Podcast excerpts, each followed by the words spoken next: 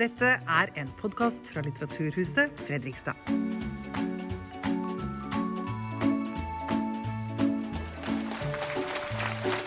Men i kveld så skal vi snakke om eh, likestilling. Ikke denne likestillingen som vi ofte pleier å drøfte. For i kveld skal det nemlig dreie seg handle om menn. Og om en eh, urovekkende utvikling som gjør det nødvendig å stille spørsmålet trenger vi en bedre likestillingspolitikk for menn også. Med oss har vi Are Solstad. Han er daglig leder i Reform. Det er et ressurssenter for menn. Det er landets eneste ekspertmiljø på gutter og menns likestillingsutfordringer. Og eh, Are ble nylig oppnevnt til å sitte i det regjeringsnedsatte Mannsutvalget. Og nå er han aktuell med boka 'Usynlige menn et nytt perspektiv på norsk likestilling'. og Den boka den eh, er til salgs her ute etter arrangementet. Til å lede samtalen så fant vi en som har vært opptatt av likestilling i hele sitt eh, voksne liv, så da passa det bra å utfordre henne nettopp på dette perspektivet også. Så velkommen på scenen, Silje Louise Waters og Are Saastad. Her, da. Yes. Hei og ja, velkommen til dere. Og velkommen til deg, Are. Takk for det, Silje. Da jeg ble spurt om det her, så sa jeg ja med en gang. Fordi jeg tenkte at det her er rett og slett noe jeg har skjenket svært få tanker. For, og det tenker jeg også ligger litt i tittelen på boka. 'Usynlige menn'. Fordi vi her snakker om en problemstilling som i stor grad går under radaren for mange. Helt kort så kan vi starte å fortelle litt, Det ble jo sagt litt innledningsvis her, men om du kan si kort om hvem du er, og hvorfor du har skrevet denne boka? Ah, ja. Hyggelig å være her. Hyggelig å se dere som er her. Eh, og snakke med deg. Ja, jeg er 64 år og har eh, ikke vært like opptatt kanskje av likestilling hele livet som det du kanskje har vært. Men eh, det har i hvert fall vært viktig med likestilling i min familie siden jeg var ganske liten. Min mor hun var hjemme med oss barna da vi var små, og begynte å jobbe igjen i kvinneåret 1975. Sånn at eh, det var faktisk en, sånn, en slags form for oppvåkning også for meg. At det gikk an for kvinner å, som var hjemmeværende, å begynne å jobbe. Og det fikk hun støtte for å gjøre, både fra oss som var barna, som var stolt av henne, og av faren min. Eh, så det var på en måte en oppvåkning og en endring i hele familien som, eh, som var veldig positiv. Så sånn sett har likestilling for kvinner vært viktig for meg i alle år. Jeg har også en bakgrunn som tillitsvalgt i fagbevegelsen, hvor likestilling også har en viktig rolle veldig mange spørsmål knytter seg til likestilling har også vært i helsevesenet. sånn at eh, det å være opptatt av hvordan kvinner har det, har vært viktig for meg. Både i yrke og i eh, privat. Eh, men så har jeg jobbet altså i dette senteret som, eh, som Roy nevnte her, nemlig Reform ressurssenter for menn, som daglig leder der i elleve år nå. Det er noe jeg gjør på slutten av livet, kan vi si. I hvert fall yrkeslivet. Eh, litt tilfeldigheter som gjorde at jeg kom dit. men det har gitt meg muligheter til å utforske andre sider av likestillingen. Og også dette med menns situasjon. Og det, jeg kan ikke si at jeg har visst like mye om det hele veien, men nå vet jeg mer om eh, det enn jeg gjorde da jeg begynte å jobbe der. Og det engasjerer meg mer og mer. Jeg opplever at dette er et til tider ganske vanskelig tema å ta opp i den offentlige debatten. Eh, og det har jeg lurt på hvorfor. Og det er også grunnen til at jeg skrev denne boka som mange andre her, så er en av de tingene som virkelig driver meg i livet, det er urettferdighet. Det kanskje kan høres ut som en floskel, men hvis man opplever ting man opplever som urettferdig, så er det en del av oss som blir tent av det og tenker at dette vil vi gjøre noe med. Og jeg blir ganske tent av eh, den situasjonen som mange gutter og menn som jeg opplever, da, ikke blir sett godt nok med sine likestillingsutfordringer når de blir oversett. Og jeg syns vi altfor mye gjør det da, i vårt samfunn i dag. Så Jeg vet ikke om det var et svar på det du spurte om, om dette er meg. Men ja, jeg kan i tillegg nevne at jeg er gift. Jeg har to gutter som er eh, nå 25, 26 og 28 år. Eh, Foreløpig ikke bestefar. Jeg håper å bli det, men jeg kan jo ikke pushe det. Bor i Oslo. Alltid bodd i Oslo, så jeg er Oslo-gutt. Men har eh, familie fra Østfold, så det Såstad-slekta er fra Østfold, faktisk. Det er hyggelig å være i Fredrikstad. Det er det alltid. Um, I innledningen til boka di så står det hvis vi ikke utvikler en politikk for å endre menn til det bedre, så er det sterke krefter i dag som vil endre dem til det verre. Og det er jo et uh, utgangspunkt for å lese den boka som gjør at man kanskje tar den litt ekstra nøye innover seg. Og fordi jeg må si, jeg, jeg har hatt gleden av å lese den boka. Den er verdt å kjøpe. For er, eh, den setter virkelig tankene i sving og gir noen nye perspektiver på, på dette temaet som jeg tror mange ikke har egentlig eh, tatt inn over seg den fulle bredden av. Så, men et, eh, Vi skal gå litt ned i boka, for den avslutter med ti punkter som rett og slett er ti forslag til forbedringspunkter for hvordan vi kan fremme likestilling for menn. Og dem skal vi spare til slutt, sånn at vi holder dere på pinebenken. Men inn, litt innledningsvis, og det høres kanskje banalt ut, men jeg, det er en grunn til at jeg spør, for hva er det som skiller menn og kvinner rent biologisk? For når man da har utpekt det biologiske skillet, hvilke parametere for likestilling legges da til grunn? Og hva er det som går på da Sitter vi da igjen med kjønn eller personulikheter? Og hvor er det likestillingsutfordringen oppstår? Ja. Det tror jeg er et veldig stort spørsmål å svare på, men Du har en hel time. Nei, Nei jeg tror ikke jeg skal Jeg er ikke biolog. Eh, men jeg alle vet at det er forskjell på kvinner og menn, altså biologisk. Vi har forskjellige antall eh, X- og Y-kromosomer. Vi, vi, er utstyrt med forskjellige forplantningsorganer og har ulike roller i forplantningen. Eh, vi har også noen andre særtrekk som er litt forskjellige fra kvinner og menn. sånn gjennomsnittlig, at F.eks. er høyden vanligvis eh, høyere for menn enn for kvinner. Lengden. Nå skal vi også huske på jeg har lyst til å si det med en gang, at det er ikke noen veldig tydelige skiller heller. Det fins gråsoner. Eh, I dag så er det også mennesker som ikke definerer seg til å ha et kjønn. Og vi vet også fra dyreverden at det er veldig glidende overganger mellom kvinner og menn, eller mellom hunnkjønn og hannkjønn i en del sammenhenger. På tross av at noen politikere mener at det ikke er det. Eh, så, så, er det faktisk det. Eh, sånn at naturen er mer mangfoldig enn vi gjerne liker å kalle den, eller å omtale den som. Det skal vi også ha med oss. Men det viktigste skillet er likevel at vi kaller kvinner for kvinner og menn for kvinner. Har stort sett en opplevelse av hva forskjellene er når det gjelder biologi. Eh, og det stemmer jo sånn i hovedsak. Eh, men hvorfor er vi ulikestilte? Eh, og har det sammenheng med kjønnet vårt? Det er det du spør om, tror jeg. Og til det tror jeg vi må svare eh, at det nok har sammenheng med tilfeldigheter historisk. Vi har jo også samfunn i verden som har vært såkalte matriarkater. Altså hvor det har vært kvinner som har vært i, i lederstolen, og kanskje undertrykt menn, rett og slett.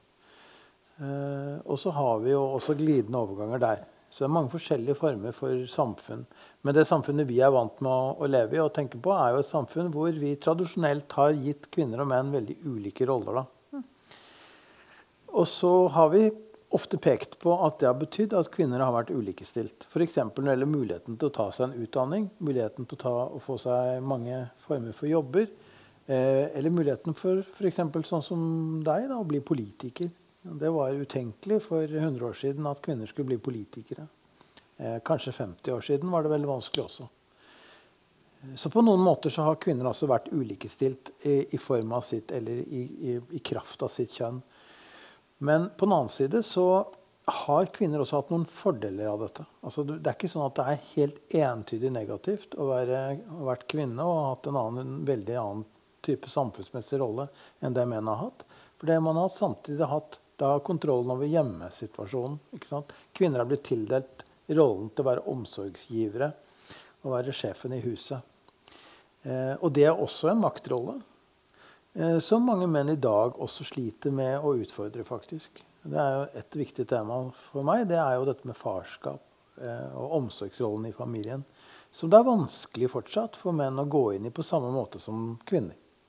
Eller på lik linje med kvinner. Eh, som igjen henger sammen med at vi tenker ulikt på hvordan kjønnene skal opptre. Og om det er en av sammenheng med biologi Ja, kvinner føder barn, menn gjør ikke det. Så noen forskjeller er det jo. Men først og fremst så er jo dette kulturelt og politisk. Kan vi kanskje si også sosialt. Eh, så det er mange ting i vårt samfunn som begrenser oss, som ikke har med biologi å gjøre. Og så kan vi godt koke det ned til å si at jo, men det vil skål for den lille forskjellen. vil det alltid være en forskjell og så videre. Ja, ja, det vil kanskje det. Men det er veldig mye vi kan påvirke via samfunnsmessige beslutninger. Og det har vi jo sett gjennom de siste 100 årene, kanskje spesielt de siste 50 årene, hvordan kvinnebevegelsen jo har gått foran og endret hele ideen om hva det er å være kvinne i samfunnet. På en, en radikalt og forbedrende måte. Som det er helt nødvendig at vi gir eh, stor oppmerksomhet til. Hvor viktig det har vært. Da. Altså ikke vi glemmer kvinnebevegelsens kamp for, for likeverd. Da. Og akkurat kvinnebevegelsen skal vi komme litt tilbake til senere, tenkte jeg. Um, fordi Nå har jeg lyst til å stoppe deg opp, fordi du snakka nå om rollen i hjemmet. Ja. Og kanskje et av de mest sånn i dag omdiskuterte likestillings... Altså den mest omdiskuterte likestillingspolitikken, det er jo fedrekvoten. I dag så har vi en uh, tredelt foreldrepermisjon. Dvs. Si at mor har en del, far har en del, og man har en fellesdel som man kan uh, dele seg imellom. Um, og så er det jo uh, egentlig, for å være litt flåsete med det, så har faktisk da egentlig kvinnen um, litt kortere permisjon fordi de pålegges å være hjemme tre uker før. Så, så, så for meg som da fødte barn og gleda meg til de tre ukene, da, for da skulle jeg få tre uker fri fra jobb og bare sitte og kose meg, sånn, så ble det pandemi. Så ble jeg fanga hjemme med hele familien, så jeg fikk ikke de tre ukene før jeg fødte mitt siste barn. Det var en sorg. Men det, var, det ble fint etter hvert.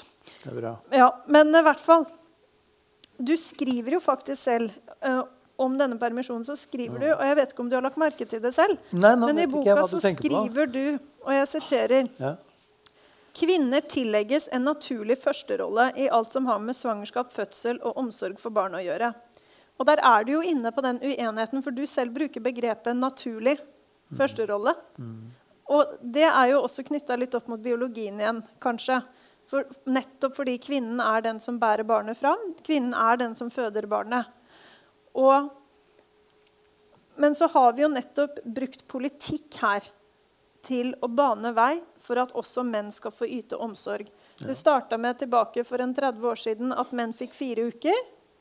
Og så har det gradvis blitt utvida, og nå som det er likestilt, helt ned på antall uh, uker, så koker det.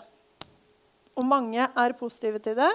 Men du viser også til en undersøkelse i boka her som sier at det er også en stor prosentandel kvinner som er svært negative til denne tredelingen. Hvorfor det?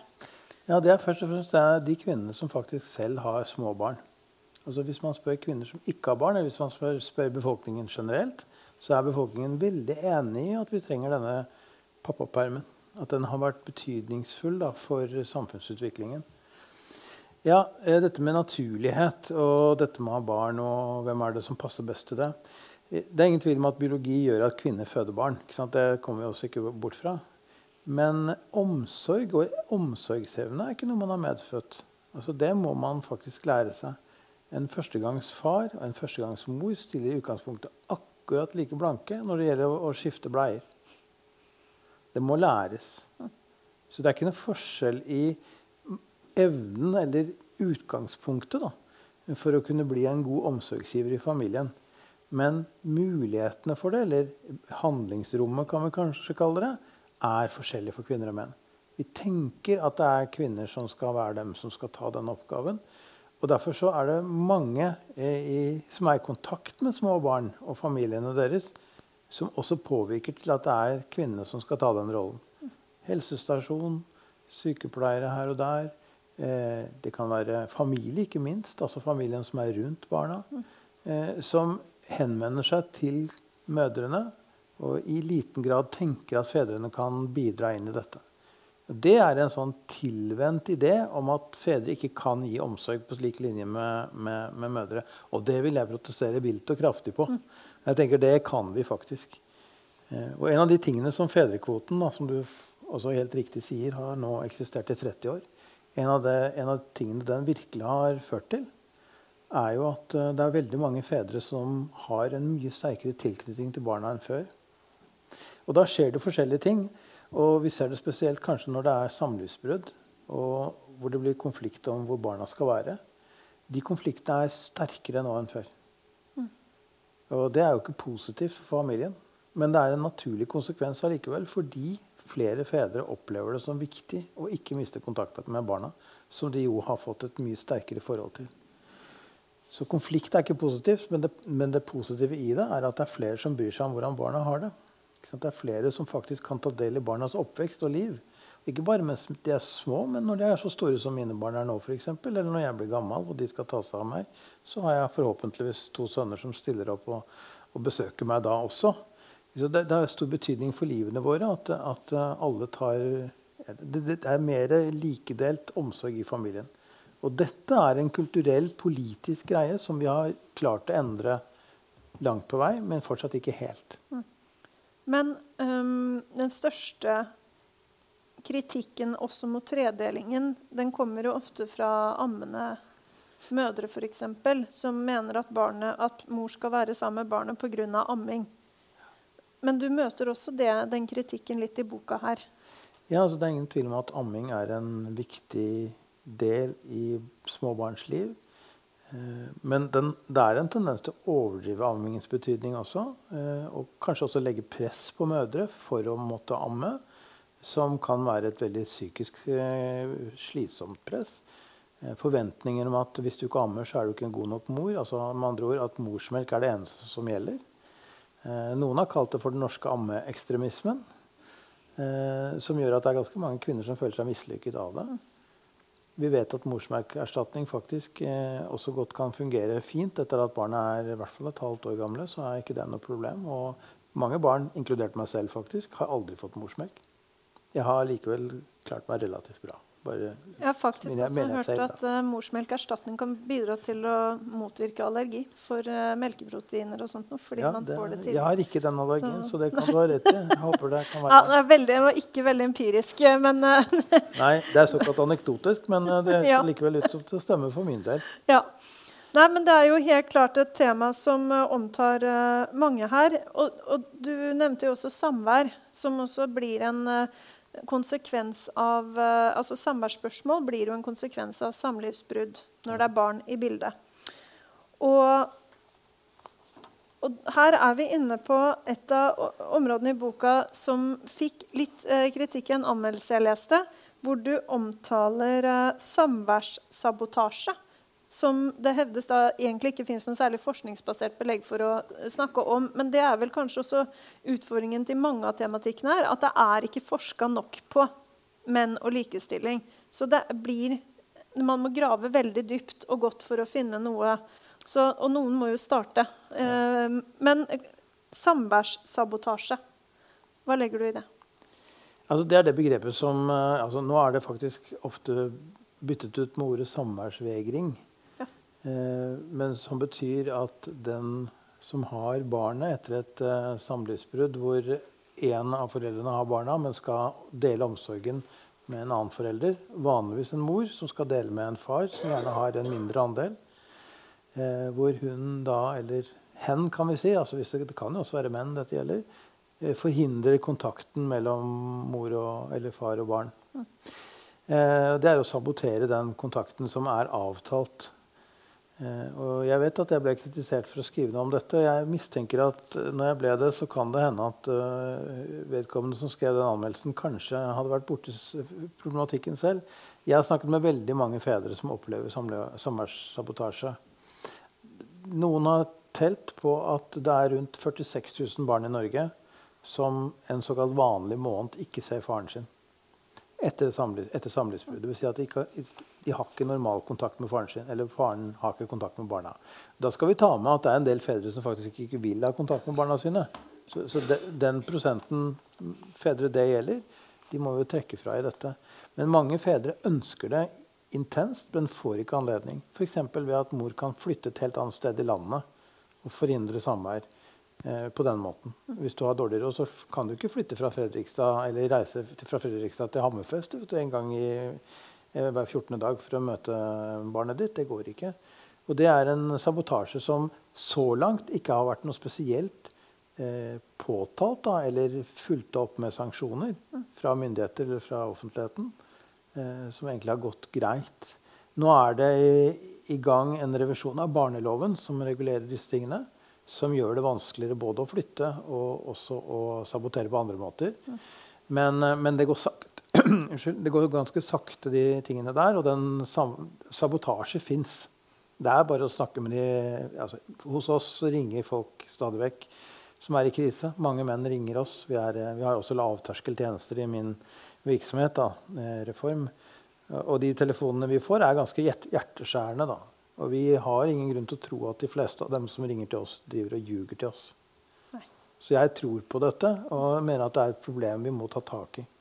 Men er det egentlig, kan man generelt si at er det offentlige godt nok rigga for å takle um, liksom eskalerte samværsutfordringer? Fordi det er jo altså både rettsvesen og jeg, jeg, en, jeg hører jo mye i mitt virke også. Da var det en hvor jeg fikk høre at uh, vold hadde pågått i uh, et forhold mot mor. Men far hadde fortsatt rett til å møte barnet. For det var, ingen, eh, altså det var ingen dom mot vold mot barnet. det var ikke noe sånn. Og så spurte mor til barnevernet hva, hva gjør jeg hvis han utøver vold mot barnet. Men sier barnevernet at du har ikke rett til å holde barnet tilbake. Og så svarte hun ja, men hva gjør jeg hvis han utøver vold? Ja, da vil din omsorgsevne bli stilt under øh, lupen fordi du har sendt barnet ditt til en voldelig, øh, til en voldelig person. Det var svaret fra barnevernet. Det er en, øh, altså, og da, da har man jo helt åpenbart noen fallgruver i hvordan vi yter bistand til mennesker som står i vanskelige situasjoner. Og er det noe som er vanskelig, så er det vel kanskje nettopp spørsmål om samvær, spørsmål om vold, vold i nære relasjoner. Fordi du møter mennesker på sitt aller mest sårbare, helt uavhengig av kjønn. ikke sant? Så tror du på at vi kan rigge ting bedre enn det er rigga i dag? Både i rettsvesen, i barnevern, i Ja. Ja, jeg tror det absolutt. Jeg tror vi har masse igjen. Altså, vi lever jo i en av verdens beste land. Velferdsstaten Norge er fantastisk bygget ut. Men på noen områder er det, gjenstår det mye. Og barnevernet er nok et sånt område. Men jeg er ikke av dem som kritiserer barnevernet for å gå inn og ta vare på barna. Jeg tenker at det i hovedsak er riktig å gjøre når det gjøres. Det er heller for sjelden det skjer eh, enn at det er for ofte. Selv om det sikkert gjøres feil. Og barnevernet kan kritiseres for mye, og det eksempelet du kom med, er helt sikkert helt riktig. Det vi har merket, er at barnevernet og også familievernet eh, er tjenester som i stor grad heller ikke ser på fedre som ressurser i familien. De, gjennomgående så tenker de at hvis det er en konflikt i familien hvor barna er utsatt, så tenker de at det er faren som er problemet. Det kan være helt motsatt. Og Likevel så benytter man ikke faren som en ressurs.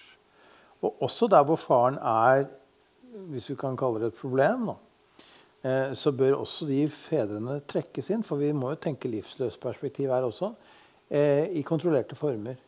Og der er ikke barnevernet godt nok. Og jeg, jeg er helt sikker på at det er eh, Dette er jo veldig kritiserte tjenester, så det er, all honnør til folk som jobber i barnevernet. Det er virkelig ikke noen jobb man eh, får mye kred for, som det heter i dag. Men, eh, men det trengs en opprydding i forståelsen av ja, For det første så, så trengs det mer av det. Vi, vi har en offentlig tjeneste, offentlige tjenester som mange steder gans, sliter ganske mye, spesielt innenfor kommunene, tror jeg. Eh, men også mangel på kjønnsperspektiver, da, hvis det ikke dreier seg om kvinner. Og det fører til konflikt igjen. Det fører til mangel på evne til å løse konflikter som oppstår i familier. At man ikke trekker med fedrene på en god nok måte.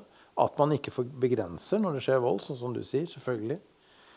Eh, Det er mye vi er i, kanskje er i stand til å se gjennom fingrene med. Og så er det en del ting vi ikke vil se. Eh, og det kan være f.eks. at også mødre kan være voldsutøvere. Eller overgripere. Og det skal være klar over at når det gjelder statistikken over hvem som er overgripere mot barn, så er kvinner og menn nesten like høyt representert.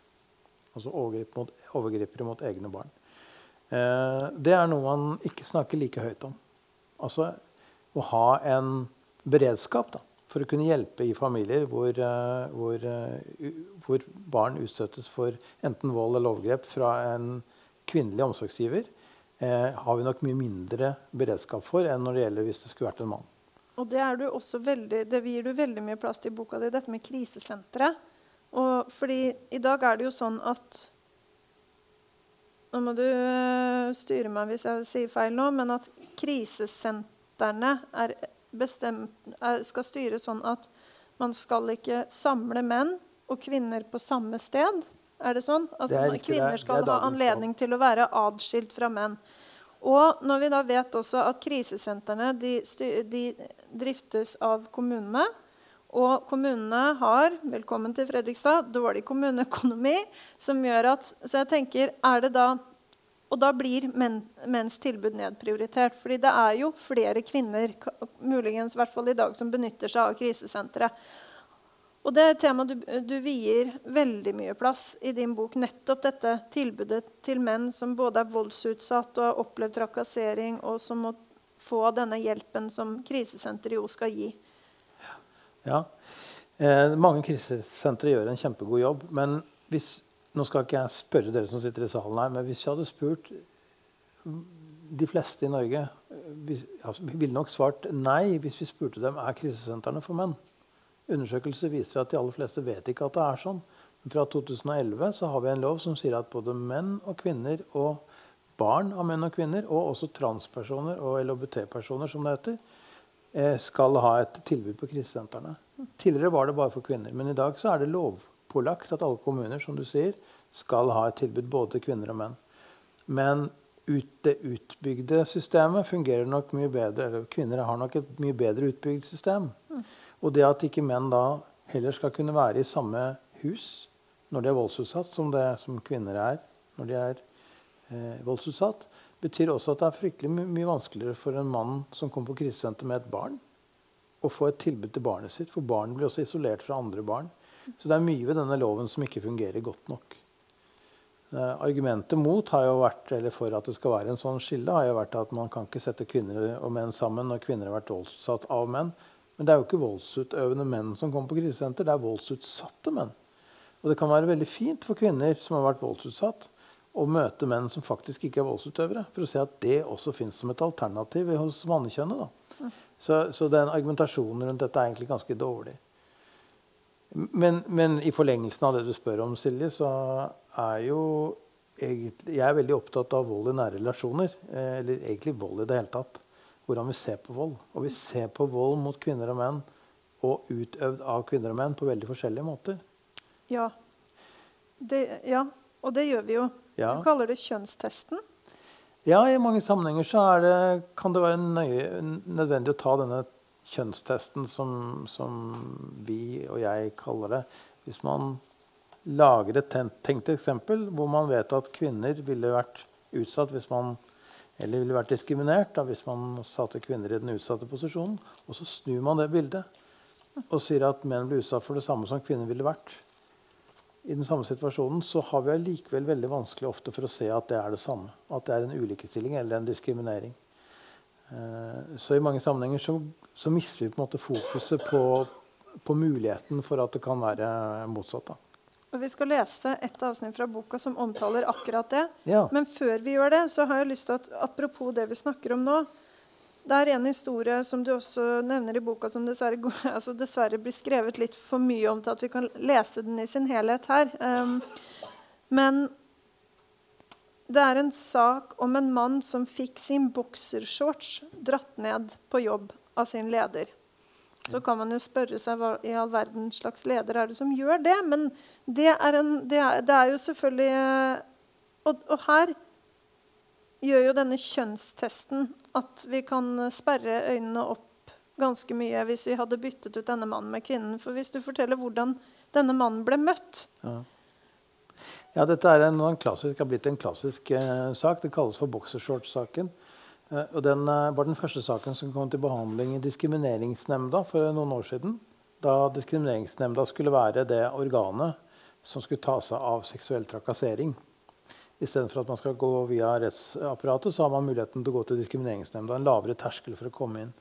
Og Den første saken de fikk til behandling, var en sak om en mann. og det er han som du nevner her, som da på en arbeidsplass fikk rykket ned trusa si i garderoben av en sjef. Og det var andre der som så det samme, og som opplevde dette som veldig krenkende. Så han, han, hadde jo skjønt at her er det mulighet for meg å nevne dette for, eller ta det opp med diskrimineringsnemnda, så han tok det opp som formell sak eh, og kalte det seksuell trakassering. Men han fikk ikke medhold. Det er som kortversjonen her. Eh, og så er det interessant å gå inn og se hvordan da nemnda har vurdert denne saken. Og nettopp med helt andre typer briller enn det hadde hatt hvis det hadde vært en kvinnetruse og ikke en boksershort som var blitt trukket ned. Eh, da ville man sett på det som seksuell trakassering umiddelbart. Fordi vi er vant med å tenke at kvinners utsatthet er noe vi ser som en naturlighet i en sånn situasjon. Mens menn på en måte skal Det er en av de tingene jeg er ganske opptatt av. at Vi skal tenke på menn som noen som er tøffe, som skal stå i det, som skal tåle ting. Skal ta en støyt.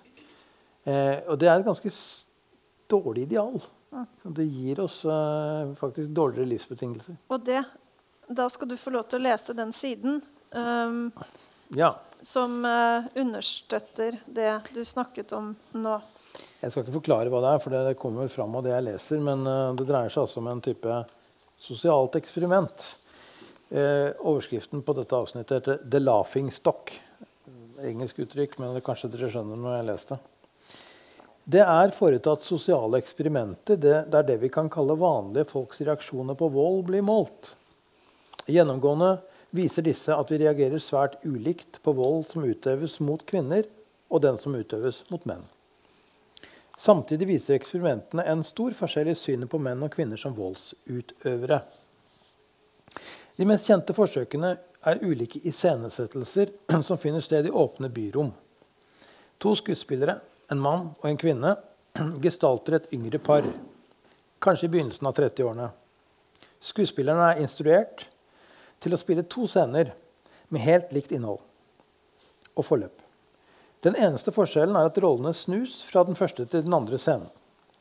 De foregår også på ulike tidspunkter for å sikre to forskjellige sett med publikum. I anførselstegn, altså tilfeldige byvandrere som er til stede under skuespillet. I den første scenen begynner det unge paret en høylytt krangel, der den mannlige skuespilleren spiller den aggressive parten. Han skjeller ut sin kvinnelige motspiller for å ha hatt en affære, og hun tar til motmæle. Scenen tiltrekker seg raskt oppmerksomhet. Skuelystne stanser opp, og noen nærmer seg også paret. Da den mannlige skuespilleren fiker til kvinnen, skjer ting lynraskt. Publikum griper inn. Flere sterke menn tar tak i mannen. Snart er han pasifisert. Folk rundt er sinte. Kvinnene skjeller ham ut. Det tar tid før skuespillerne klarer å avdramatisere situasjonen, få forklart og overbevist folkemengden om at hele er iscenesatt, og den mannlige skuespilleren kan forlate stedet ør og fortumlet. I scene to, som foregår en annen dag, er rollene snudd. Paret krangler høylytt, og igjen vekker opptrinnet betydelig oppsikt. Men siden det nå er den kvinnelige skuespilleren som spiller den aggressive parten, og anklager mannen for en affære, er reaksjonene ganske annerledes. Publikum nærmer seg ikke paret. I stedet ser vi at flere smiler, og noen ler. Da den kvinnelige skuespilleren fiker til sin mannlige kollega, så blir publikum overrasket. Noen måper. Men ingen iler til for å hjelpe til. Den kvinnelige skuespilleren blir ikke pasifisert. Tvert om får hun uhindret fortsette å skjelle ut mannen. Han tildeles flere slag, dyttes mot et vindu. Mannen beskytter seg så godt han kan. Noen blant publikum ser ut til å mislike det som skjer. De fleste smiler, mange ler. Før opptrinnene avsluttes, er mannen i det regisserte, voldspregede forholdet etablert som en stakkar. Han er blitt en klovn til allmenn fornøyelse. En mann som får det han fortjener, simpelthen, fordi han lar seg hunse med av en kvinne. Ja, jeg eh, fikk litt gåsehud av å lese det avsnittet. Og det, det er jo tilbake til egentlig tittelen din igjen, den herre usynliggjøringen av viktige og store problemer som angår menns likestilling. som vi bare må fortsette å snakke om, tror jeg, dersom vi skal klare å gjøre noe med det. Det er også et par andre tematikker som er store og omfattende i boka di. Det ene er helse. Og det er litt festlig, fordi Jeg var inne på Facebook eh, rett, før, rett, etter jeg hadde lest det kapitlet. Og da kom det opp et dikt av Trygve Skau, artisten, som hadde skrevet alle gutta hadde ganske usunn psykisk helse, unntatt Glenn. Han snakka mye med en venn. Det, det var, jeg syns det var litt søtt og hyggelig. Um, og men helse for menn er jo et stort, stort tema. og Jeg vet egentlig ikke helt hvor jeg skal begynne. Men det du skriver, er at um, vi må ha fokuserte tilbud til gutter og til menn for å kunne vise at det her er også noe menn trenger. Sånn at man på en måte får forklart Skal man ha et helsestasjontilbud, så må det hete helsestasjon for gutter. Sånn at de faktisk kommer. Og så skal jeg bare si, Du nevner noen kommuner i boka di som har det. Noen ja. få i landet. Ja. Men du er også i en kommune nå som har det. Wow, mm. Det visste jeg ikke. Det vil jeg bare få lov til å skryte litt av. Vi har helsestasjontilbud til gutter. Så yes. jeg beklager at du ikke visste det. Nei, men det, det er lov. Men, men det er flere aspekter ved helse her. Der, eh, du snakker også en del om selvmord. Hvor du skriver at flere kvinner prøver, og det må ses på som et rop om hjelp. Og menn gjennomfører og må ses på som at man ikke tror det finnes hjelp. Mm. Det er ganske sterkt uttrykk og en sterk påstand. Ja, men jeg tror det er riktig. Uh, vi har en veldig skummel og ubehagelig selvmordsstatistikk i Norge. Uh, det er ikke det at vi har så forferdelig mange selvmord men relativt mange eh, som på en måte går litt under radaren. Eh, men det skumleste med den er at det er en veldig kjønnsskjev statistikk.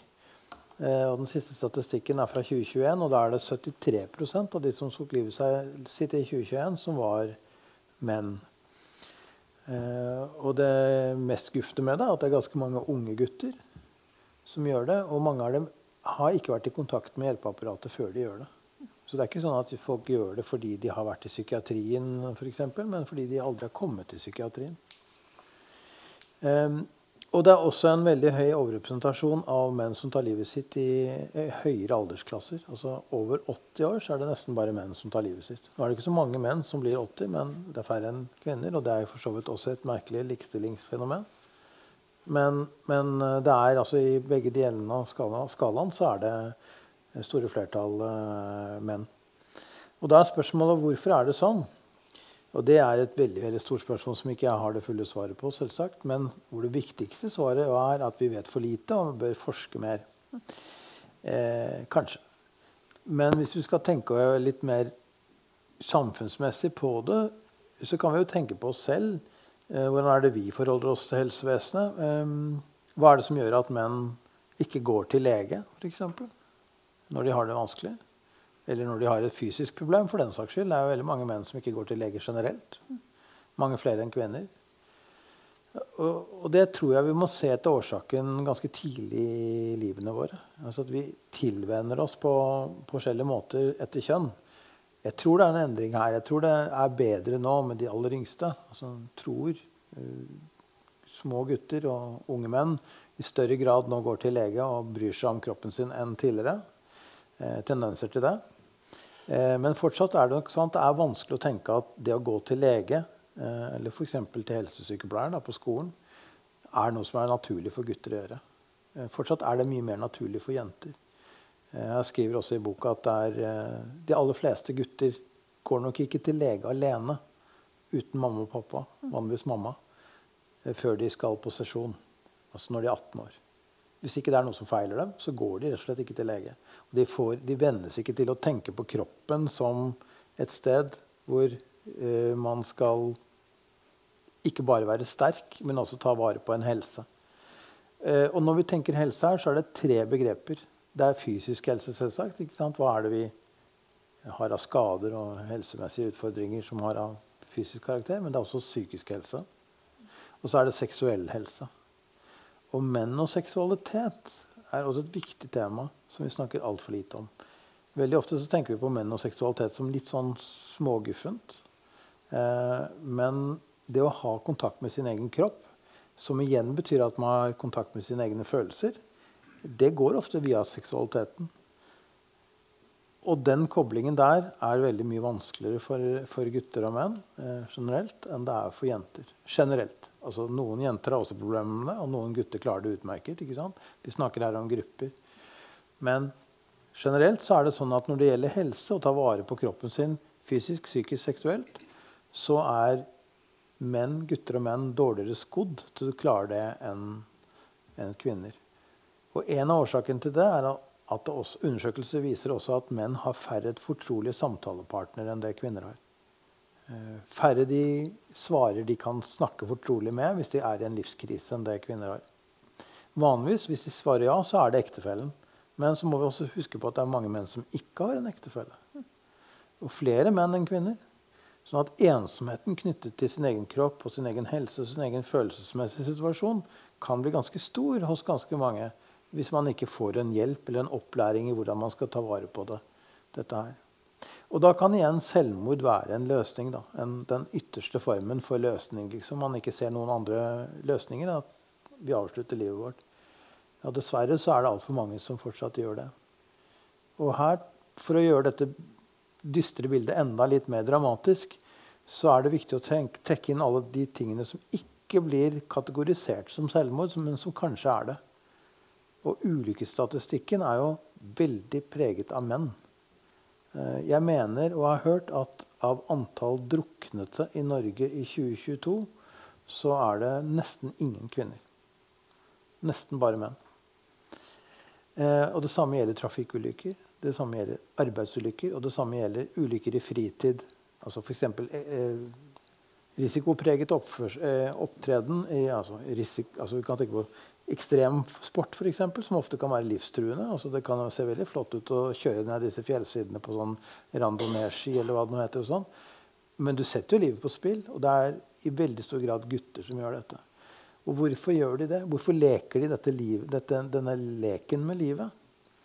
Det er dystre og, og, og ubehagelige ting å tenke på. men men det ligger en slags form for livstrøtthet i dette som vi må ta på det ytterste alvor. Og hvis ikke vi gjør det, så kan vi risikere å, å miste mange av våre menn. Altså rett og slett, Og gjør det faktisk også. Så, så Derfor så er helsespørsmålet et helt sentralt spørsmål for meg i likestillingssammenheng. Hvis, hvis jeg bare kan føye til noe til det. Altså, Vi har akkurat fått en kvinnehelseutredning som har satt veldig fokus på at kvinner ikke får den oppfølgingen for kvinnelige kvinnelidelser som de burde hatt. Så endometriose er f.eks. En, en viktig del i det. Og ære være det arbeidet.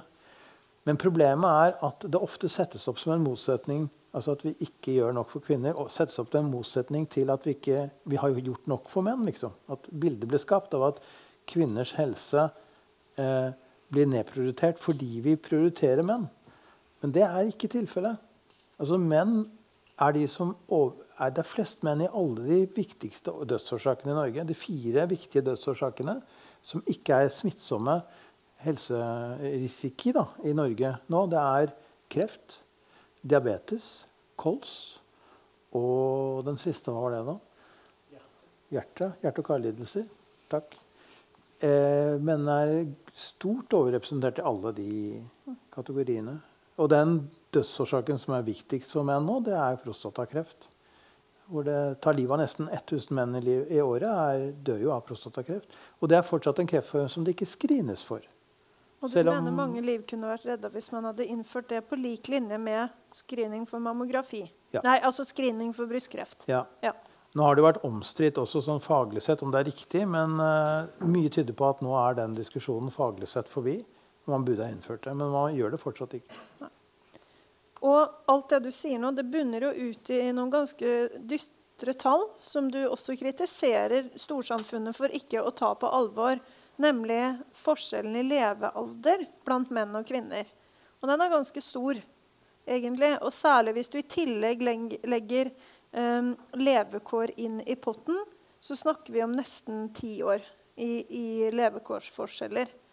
Si kort om det. Ja, vi hadde her igjen dette Du nevnte kjønnstesten. Altså Hadde det vært sånn at kvinner systematisk levde kortere enn kvinner, eh, menn, så hadde vi sett på det som en likestillingsutfordring. Men når det er motsatt, så gjør vi ikke det. Vi tenker på det som en naturlig ting. Men det er få ting da, som tyder på at menn må leve kortere liv enn kvinner. Altså, Risikooppførsel, ja, det kan være det. Men det er jo ikke biologi. Ikke det er jo noe man gjør med livet sitt. Eh, men når det gjelder eh, dette med, med, levealder, så har det som du sier, spesielt en stor sammenheng. Altså, vi har en viss sånn tilnærming mellom, Hvis man ser på hele befolkningen, så er det en viss tilnærming mellom kvinner og menns levealder. Levealdersforskjellen er nå gjennomsnittlig rundt 3,4 år eh, mellom kvinner og menn. Men det, det, er bare når man ser på normalbefolkningen. Hvis du tar inn de fattigste, ser på den fattigste delen av befolkningen, sammenligner kvinner og menn der, så er forskjellen veldig mye større mellom kvinner og menn. Og ikke minst mellom mm, de rikeste mennene og de fattigste mennene. Der er eh, levealdersforskjellen faktisk 13 år. Ja. Eh, sånn at det er en klassemessig side her som, er, også er, eh, som vi ikke skal se bort fra. Altså ulikhet eh, i helse er, slår spesielt sterkt ut for menn. Og det gjelder ikke bare levealder, men det gjelder alle de tingene som gjør at levealderen kan bli forkortet. Altså vold, rus, eh, usunn mat, lite mosjon, alle de tingene som gjør at man f.eks. kan utvikle kreft, er mye mer utbredt blant menn da, enn det er blant kvinner. Altså, kvinner er bedre til å ta vare på, på, livene, på, på helsa si. Eh, og spesielt også da når det gjelder eh, de aller fattigste eh, sammenlignet med de rikeste.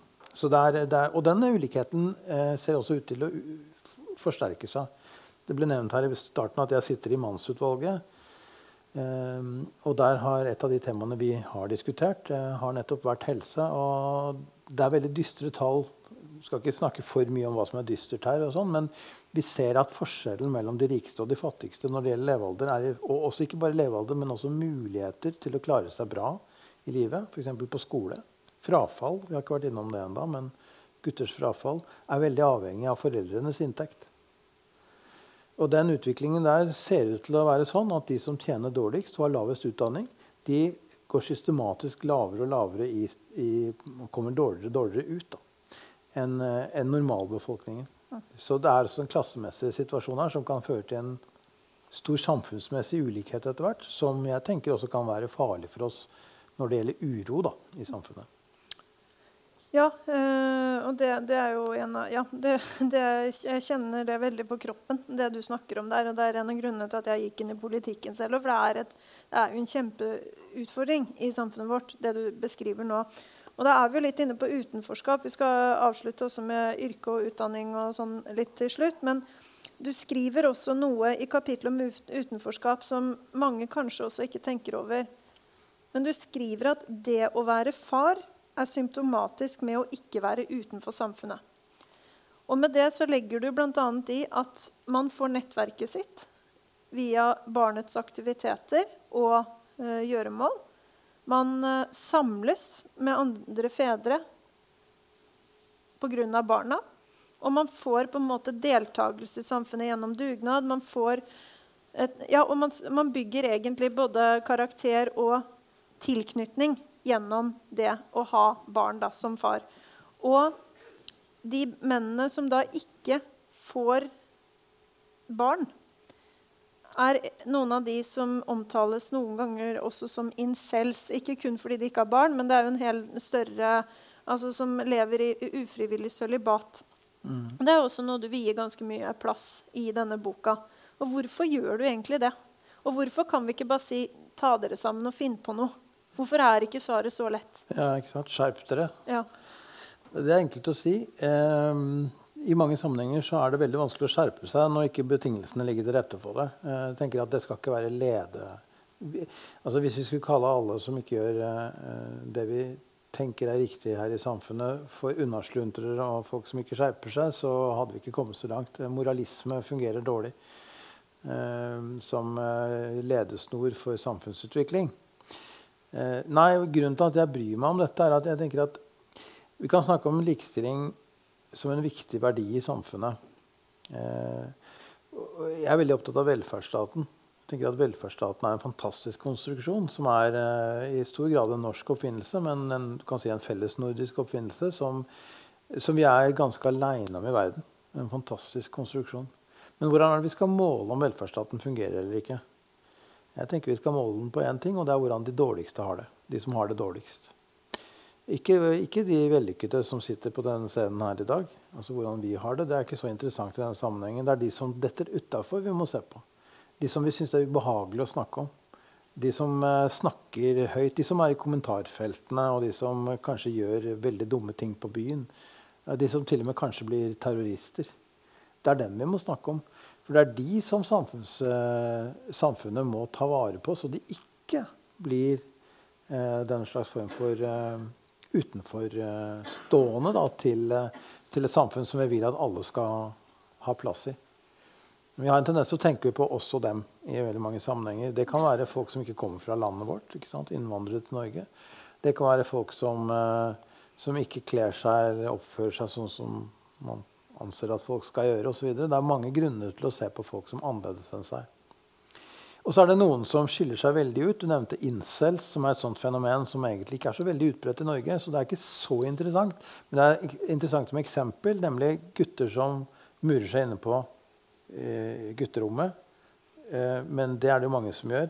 Men som i tillegg utvikler skadelig atferd fordi de er i kontakt med miljøer som potensielt kan være farlig for samfunnet, men først og fremst farlig for dem som er Vi har jo verdens mest grusomme eksempel på hva som kan skje da, med ja. mennesker som gjør det. Altså, vi har jo hatt terror ja. Eh, utført av en sånn innmurt mann. Innmurt mann. Uh, ja.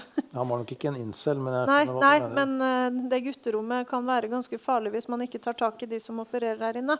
Ja, og den og, du snakker om her, det er helt åpenbart at han uh, hadde blitt neglisjert i hele sin oppvekst. Mm. Og det gjør noen ting med oss. Så det er et veldig godt eksempel på hvor viktig det er for oss som samfunn å bry oss om dette her. Bry oss om dem vi ikke liker. Mm. Kanskje. Mm.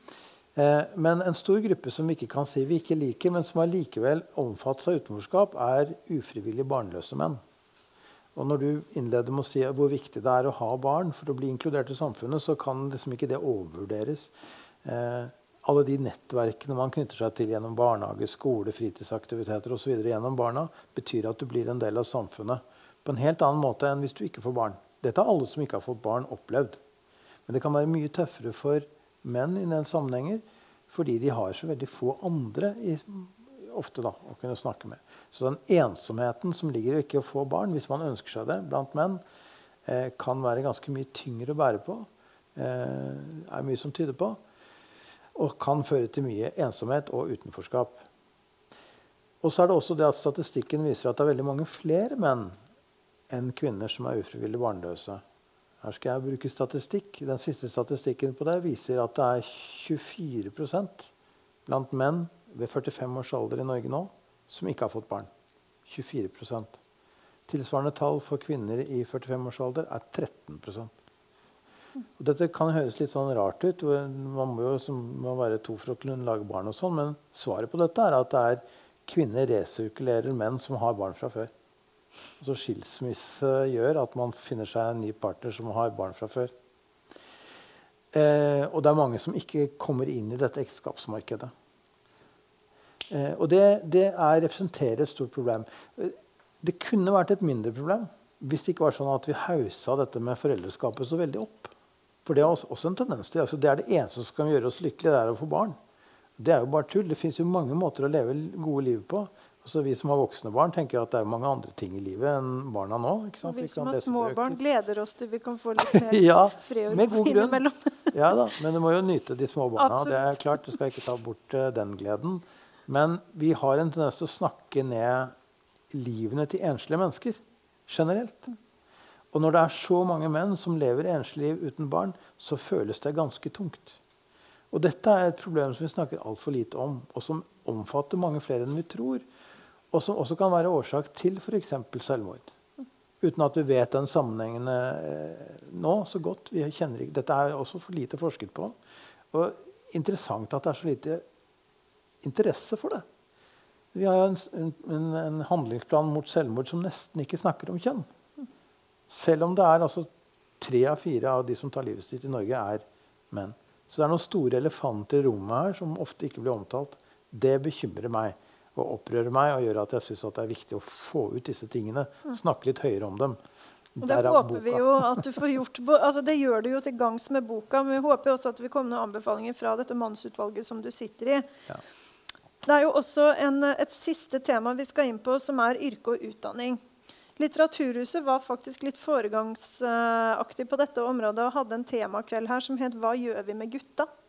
Nettopp fordi at vi opplever at de har større frafall i skolen og større utfordringer knytta til hele det eh, norske utdanningsløpet, rett og slett. Og du snakker jo i boka di om modenhetsforskjeller mellom gutter og jenter som er såpass stort du, Nå husker jeg ikke helt om det var ett år eller to år som kunne skille liksom, i modenhet hos en førsteklassing.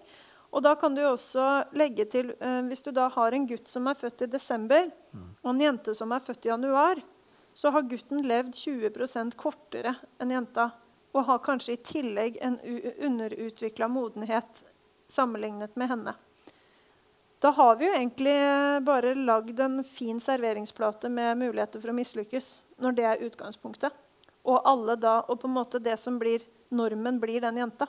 For det er jo også veldig mye sånn det var rigga. Vi hadde jo en reform som skulle gjøre at du skulle ha mer lek og fri utfoldelse og fysisk aktivitet i skolen. Men den ble jo veldig fort kanalisert inn på skolepulten. Og og der ser vi jo at guttene sitter i, de skal sitte i 45 minutter, 5 15-åringer, og, og, lære. Det, det, er en oppskrift på mislykkes, det spør du meg. og, og, du peker også på at det møter vi videre i utdanningsløpet. Helt opp mot høyere utdanning. Ta den for oss hele veien. Ja, dette har jo gjort eh, klokere folk enn meg gjort noen ting på før. altså Camilla Stoltenbergs utvalg fra 2017, som så på forskjeller i utdanning, eh, kjønnsforskjeller i utdanning, er jo nettopp eh, oppsummeringen av dette. Altså hvordan gutters eh, senere modenhet eh, kombinert med tidligere skolestart eh, har innebygget, som du også sier, en, en konsekvent eller konstant ulikhetsutvikling. da for de aller fleste gutter. Veldig mange gutter. Ikke alle gutter, men veldig mange gutter. Så, så denne reformen med to, det å starte som seksåringer eh, har ikke fungert eh, godt. Så det, er, det fins jo måter å løse dette på.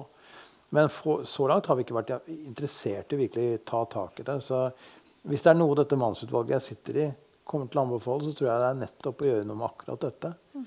Fordi det følger, som du sier, også barna hele livet. Og vi ser en voldsom forskjell nå i hvem som tar høyere utdanning i Norge. Hvor kvinner allerede er 60, over 60 og, og menn er på 40% og hvor også veldig mange tradisjonelle manneyrker er i ferd med å bli fullstendig overtatt av kvinner. Det er, det er, bra at kvinner går inn i mannsyrker, men det er ikke bra når vi bare får kvinnelige psykologer, eller bare kvinnelige veterinærer, eller bare kvinnelige leger eller advokater, som vi kan komme til å få. I noen av disse yrkene så er det massive flertall. Fordi vi bare legger vekt på én ting, og det er karakterer. Og guttas karakterer er gjennomgående dårligere fra starten av. Eller skoleprestasjoner. Man får ikke karakterer i starten, men etter hvert så får man det. Og skoleprestasjonene er gjennomgående dårligere fra starten av.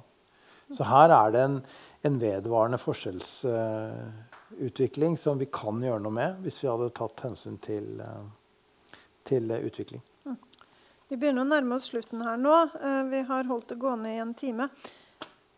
Kvinnebevegelsen de, Du kritiserer dem på en måte litt. All ære til dem, sier du, og sånt nå, men at man kanskje ikke har fokusert nok på likestilling for alle. Og du skriver også at gutta faller utenfor og kan således bli en trussel mot kvinner. Er egentlig da kvinner sin egen største fiende fordi man, kvinnebevegelsen fordi man ikke også ser på menns likestillingsutfordringer uh, som noe man må kjempe for. Og da spørsmål nummer to Hvorfor gjør ikke mannfolka det sjøl og lager en mannsbevegelse? Er det kvinnebevegelsens jobb? Eh, jeg svarer på det siste først. Ja, det er kvinnebevegelsens jobb. Jeg ønsker ikke en sterk mannsbevegelse. Altså, jeg ønsker ikke kamp mellom kjønnene. Jeg tenker at Det er faktisk det viktigste. Det er ikke sånn at for at menn skal få det bedre nå, så skal kvinner få det dårligere. Det er veldig viktig at vi tar vare på de seierne vi har oppnådd når det gjelder kvinners likestilling. Altså, vi ser jo rundt omkring i verden hvor lett det er å ta fra kvinner rettigheter. Altså abortrettighetene i USA f.eks. Eller, eller retten til utdanning, for den saks skyld. Eh, bør ikke gå utover Europa engang. Kan gå til land som Ungarn eller Polen. Altså, det er store forskjeller eller angrep på kvinners likestilling Eh, men hvordan skal, og, og da er ikke, det er ikke svaret å si at hvis menn får mer likestilling, så får kvinner mindre. For det er ikke det som skjer. For det er ikke et nullsumspill. Det er i hovedsak ikke et nullsumspill. Det er ikke en pizza man deler. Det er ikke sånn at Hvis man gir flere stykker til menn når det gjelder likestilling, så får kvinner mindre. Det er ikke sånn. Dette er en kake som kan utvides. På noen områder kan man si at det er noen reelle interessemotsetninger. For når det gjelder hvor lenge man skal være hjemme med barna. og sånt, og Den ene må gi seg til fordel for den andre osv. Man må prøve å finne løsninger der. Men i hovedsak så gjelder det at kvinner vil ha det bedre hvis også menn får det bedre. Tenk bare på helse. Altså, menns dårligere helseutvikling enn kvinners er i hovedsak et problem for kvinner som pårørende. Det er kvinner som følger barn, eh, sine fedre, eller, ja, både sine fedre, sine ektefeller og sine sønner til legen når det ofte er for, gått for langt. ikke sant? Det er mange sammenhenger hvor kvinner jo faktisk har en fordel av at menn eh, har mer likestilling. Og Det viser også undersøkelser at kvinner støtter opp om menns likestilling faktisk i enda høyere grad enn menn støtter opp om sin egen likestilling. Og det er jo interessant tror det er sånn at menn ofte ikke innser selv at de har noen utfordringer som man må gjøre noe med, og si at dette dreier seg om et likestillingsproblem. Men det jeg ikke ønsker, og som jeg ikke heller ser at vi er i ferd med å få, er en mannsrettighetsbevegelse som sier at nå, skal, nå er det guttas tur, og nå skal jentene jaggu vente. liksom. Det er ikke det det dreier seg om. Det dreier seg om at vi må samarbeide om å oppnå noen felles mål her.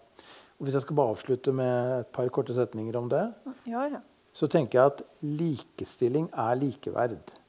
Og likeverd er det samme som eh, samfunnsmessig ro. Og det er et grunnlag for en velferdsstat.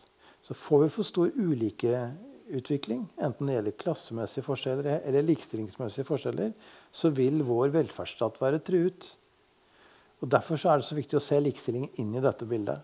Og Det er vi for lite flinke til å gjøre nå. og jeg, ja, Tilbake igjen til dette med kvinnebevegelsen. Jeg mener kvinnebevegelsen har en utfordring med å forstå dette, fordi det er kvinnebevegelsen som per i dag eier likestillingsbegrepet. Og Kvinnebevegelsen bør åpne opp for å si at dette er et begrep som vi eier alle sammen. Ikke gjøre seg til offer for menn, men si at vi har faktisk noen felles utfordringer. Som gir seg ulike utslag, for all del. Altså, det fins jo utfordringer for kvinner fortsatt som man ikke har gjort nok med. F.eks. deltid og, og mindrelønnsutvikling osv. Men i hovedsak så er det altså ikke motsetninger vi snakker om, men mulighet for å forbedre hverandres situasjon. For ingen er fri før alle er fri. Som Godt sagt. Ja. Og Boka di avslutter jo da med ti punkter for et mer likestilt Norge. Så hvis vi bare gjør som det står her, så blir alt bra. er det sånn? Ja, jeg tror det. Punkt 1, formell likestilling. At det må være en kjønnsnøytral likestillingslov i Norge. Det har vi ikke i dag. Den favoriserer eh, kvinner mannshelseutvalg. Nå har du fått ett punkt Nei, mannsutvalg. Ja. Unnskyld, du har, ikke, du har, fått det litt oppfylt, da. Kanskje. Delvis. Fedre som likestilte omsorgspersoner. Kjempe mot frafall i skolen for gutter. Jobbe med dette utfordringene knytta til ulikhet i levealder. Få innført nasjonal prostatakreftsscreening på lik linje med brystkreftscreening. Og at man må jobbe med menn og vold og utfordringene på krisesenteret, som vi snakket om tidligere. Og at vi må se på kjønnspoeng i høyere utdanning der hvor kvinner nå får overveldende flertall. Faktisk er det sånn at Vi nesten står i risiko for å ikke kunne ha mannlige psykologer om noe tid. fordi nå er det så stor høy andel av kvinner på det studiet at øh, det vil være vanskelig å oppdrive menn med øh, psykologiutdanning. Utenforskap er punkt nummer ni.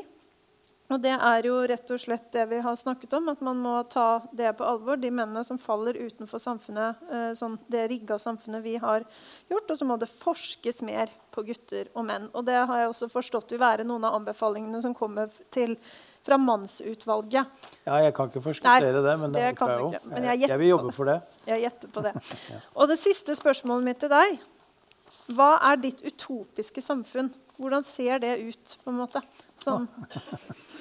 Ja.